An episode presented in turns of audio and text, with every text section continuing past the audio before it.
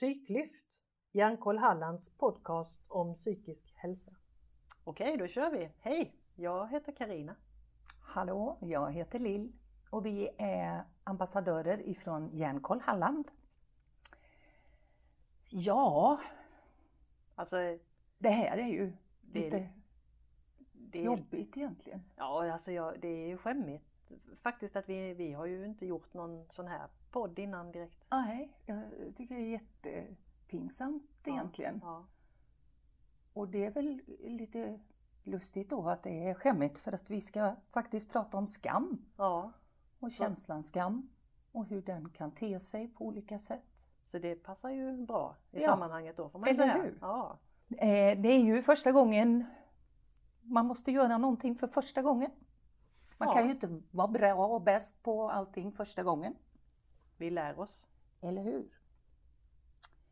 Ja, skam ja. Det är en väldigt speciell känsla i min värld. Mm, vad är skam för dig Lill? Ja, skam är för mig väldigt många olika saker men det är en jobbig känsla. Det är den värsta känslan jag kan tänka mig.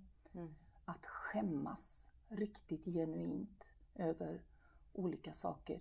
Inte bara det här att man har gjort bort sig eller så utan skam bottnar redan, eh, ja för min egen del så bottnar det ju i min barndom redan. Mm. På ett tidigt stadium. Jag skämdes för att jag levde, eller jag bodde hemma hos mormor och morfar. Eh, Jag skämdes otroligt mycket över min mamma som var väldigt psykiskt sjuk. Eh, Det pratades inte om hemma helst. Mm. Det sopades gärna under mattan. Mm. Så jag har ju med mig den här skamkänslan över många saker. Över mina trauman som liten. Mm. Eh, och jag tänker på generellt det är ju just det här med hur känslan kan bottna i så många olika händelser Mm, i livet. Mm. Vad tänker du kring skam och vad betyder det för dig, Karina? Eh, För min del så jag har också med mig det här sen, sen barnsben men ehm, för min del så handlar det nog väldigt mycket om att jag eh, det har jag ju förstått nu, det har jag, det förstår, har jag ju inte liksom insett tidigare men det är anknytningsproblem. Det. Min mor kunde inte knyta an till mig och mina syskon. Eh, vilket ledde till att jag fick inte den kärlek och bekräftelse som, som jag behövde när jag var liten. Och eh, Det fick ju mig att börja fundera på mitt värde. Eh, min mor var själv ett krigsbarn från Finland och blev eh, ivägskickad som åttaåring utav sina föräldrar till Sverige. Eh, Hon var yngst utav sex syskon. Och eh, man kan ju bara föreställa sig vad både hennes föräldrar kände och vad hon själv eh, kände i det läget. Och, och det har ju naturligtvis påverkat hennes relation till sina egna barn. Mm. Så eh, hon kunde ju säga saker till mig när jag var liten som att du ska inte tro att det är någon som vill ha dig om du är som du är. Mm. Och det har ju satt sig Mm. Klart. otroligt hårt Ja, i mig. men det är klart. Så jag har ju skämts över att jag är som jag är. Mm. Ja, jag känner ju igen det där. Eh, såklart. Eh, just det här att eh, ha en mamma som var psykiskt sjuk. Mm. Som åkte in och ut på, på olika institutioner och psykiskt sjukhus, eller sjukhuset då, eh, psykakuten och, och, och jag bodde ju hemma hos mormor och morfar som sagt. Och jag såg ju henne, för hon var ju liksom, hon fanns ju med i periferin. Mm. Även om jag aldrig levde med henne. Så jag, såg jag ju liksom hennes utbrott och vad det gjorde med henne. Mm. Och, och det är klart att det, det präglar ju en. Ja. För att det blir ju också en icke-bekräftelse av sin mamma. För hon klarar ju inte av att ta hand om mig. Nej, Men det fattar man ju inte som barn. nej, nej. Allt det där, alltså man tolkar ju in det. Eller uppenbarligen så har jag tolkat in det på mitt sätt. Att man inte duger och, och dessutom eh, just det här med skam också som var ju oerhört jävligt jobbigt som jag la locket på och aldrig pratade om förrän eh, jag var över 30 år Och det var ju de sexuella övergreppen av en nära anhörig Mm. som pågick under 12-13 år. Och det blir ju en oerhörd... Eh, det växer en skam i dig som du inte riktigt kan förstå när du är så ung. Mm. Sista gången var jag 16 och, och var ju väldigt medveten då. Men det här med sex och Mm. Alltså det kan ju vara väldigt skambelagt Mm. och skuldbelagt i, i en normal familj, höll jag på att säga. Men eh, där blev man ju märkt och skadad för livet. Och där tror jag mycket av min skam har vuxit. Såklart. Och eh, inte har förstått det heller, Mm. naturligtvis. Mm. Och jag har ju inga sådana trauman med mig. Vilket ju har gjort också att eh, jag har inte förstått att det var skam jag kände och jag tror inte jag har fått ett ord på den känslan förrän jag var över 50. Just det. Då först förstod jag att, att det var inte ilska eller framförallt sorg och rädsla. För det var de känslorna som jag kände igen. Det Mm. var de jag kunde sätta namn på. Just det. Jag har trott att jag har varit ledsen och jag har trott att jag har varit rädd. Men i själva verket så har det så väldigt många gånger handlat om skam. Precis. Och jag har varit rädd att bli lämnad. Jag har varit rädd, rädd att bli övergiven. Mm. Jag har varit rädd att, att sticka ut eller eh, vara ensam, bli ensam. Men jag har också varit rädd för att gå i, i sociala situationer för jag tänker att de kommer inte vilja ha mig där. Det är Mm. bättre jag undviker detta. Ja. Och, och jag, jag, jag tänker också att det här med, med skam från början, det, det jag har förstått nu, det är ju att skam från början var en, en skyddsmekanism. Mm. Man, ska, man ska förstå att man har gjort någonting fel eller Mm. att man behöver ändra på sig på något sätt för att man ska bli accepterad av sin flock. Mm. Så på savannen så Just det. var, så var skam en överlevnadsstrategi. Mm. Mm. Men i vårt samhälle idag så, så vaknar ju skammen i helt fel sammanhang Mm. och blir överdriven på ett sätt som är sjukligt. Absolut, jag känner igen allt det där du säger och förstår och hör precis vad du säger.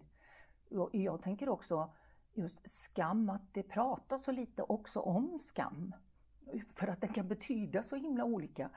För det vi egentligen kopplar det till det är ilska eller sorg eller rädsla. Rädsla framför allt för det leder gärna till ilska. För man är rädd för att bli lämnad eller man, som jag också känner igen, att just det där att inte bli bekräftad. Mm. Eh, och, och pappa gav sig också, jag hade ju ingen pappa heller för han var ju frånvarande under hela min barndom. Eh, träffade honom bara sporadiskt och det blev mer och mer ansträngt förhållande där.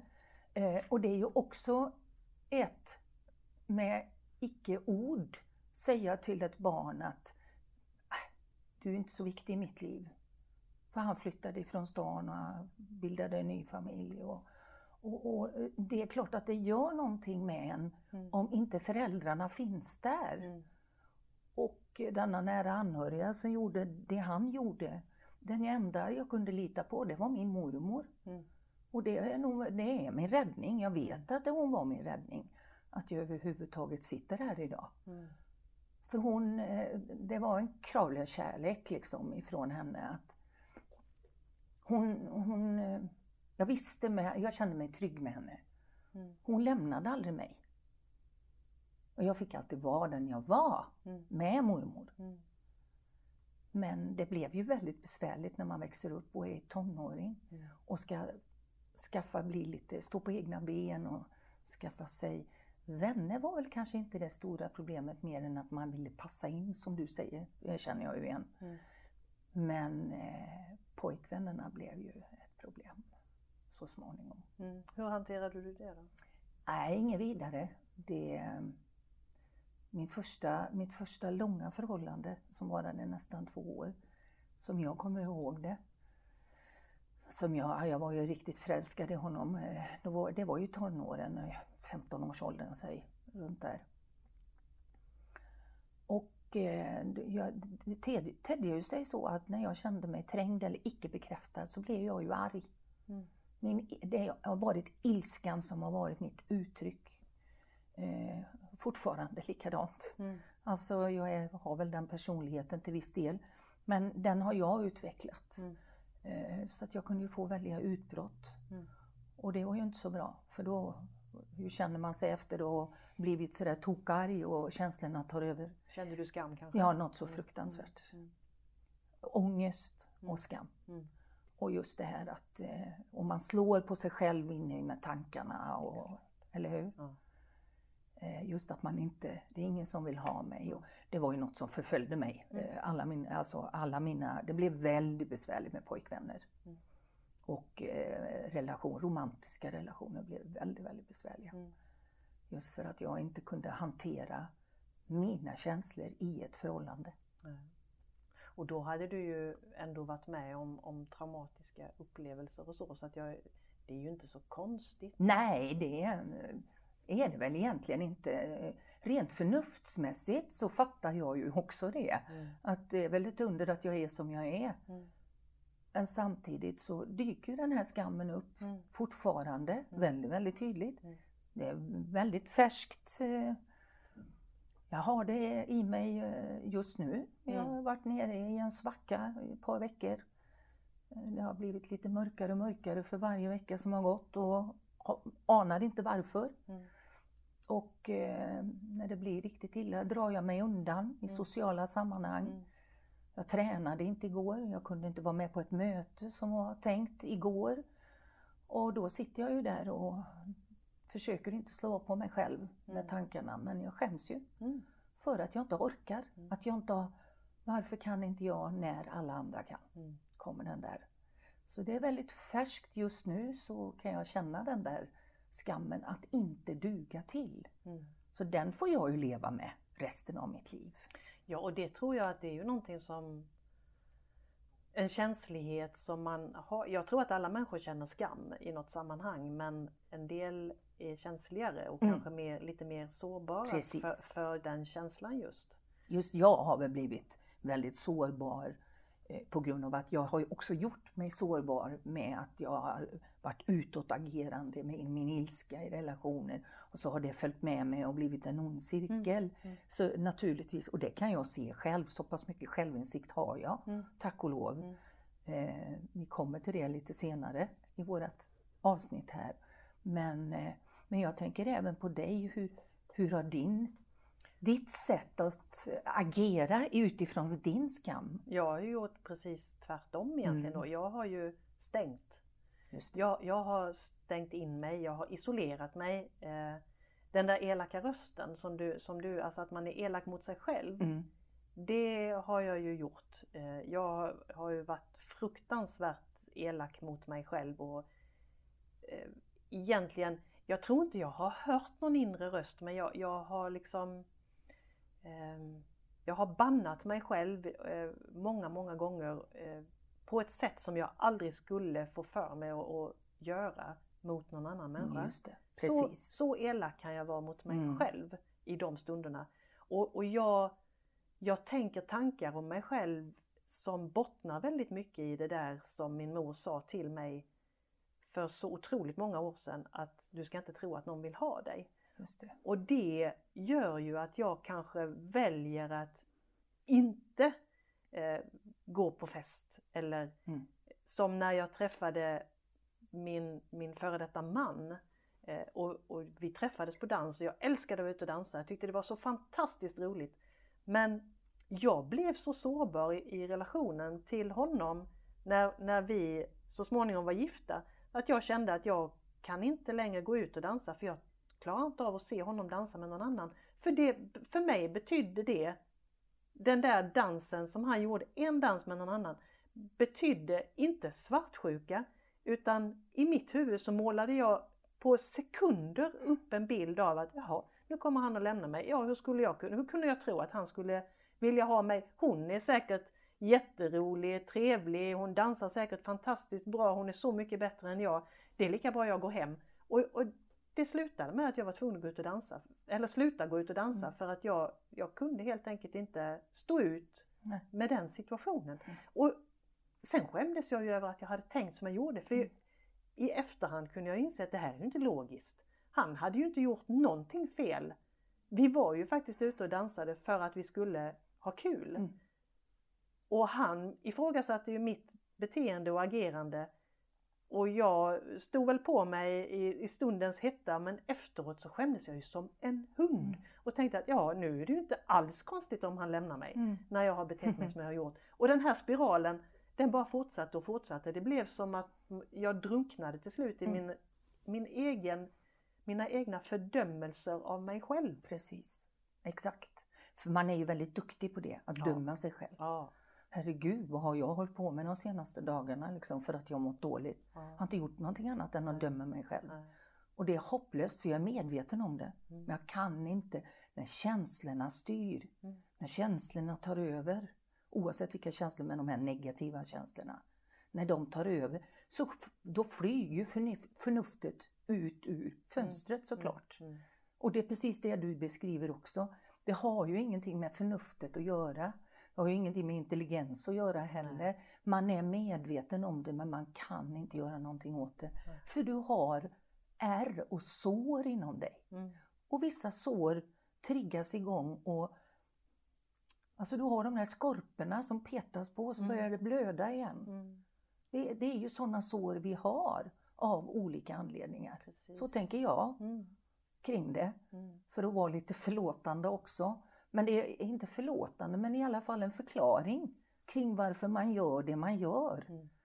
Men herregud, det tog ju också mig fruktansvärt lång tid innan jag började ta tag i det här.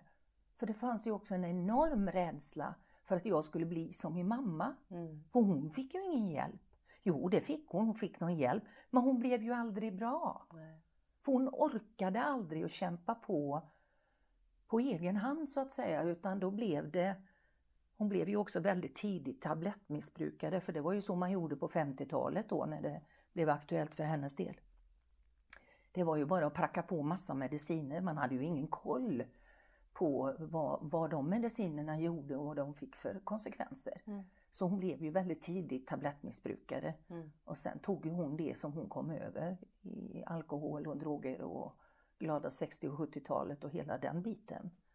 Så att hon... eh, Och jag var ju som sagt var livrädd för att bli som hon. Mm.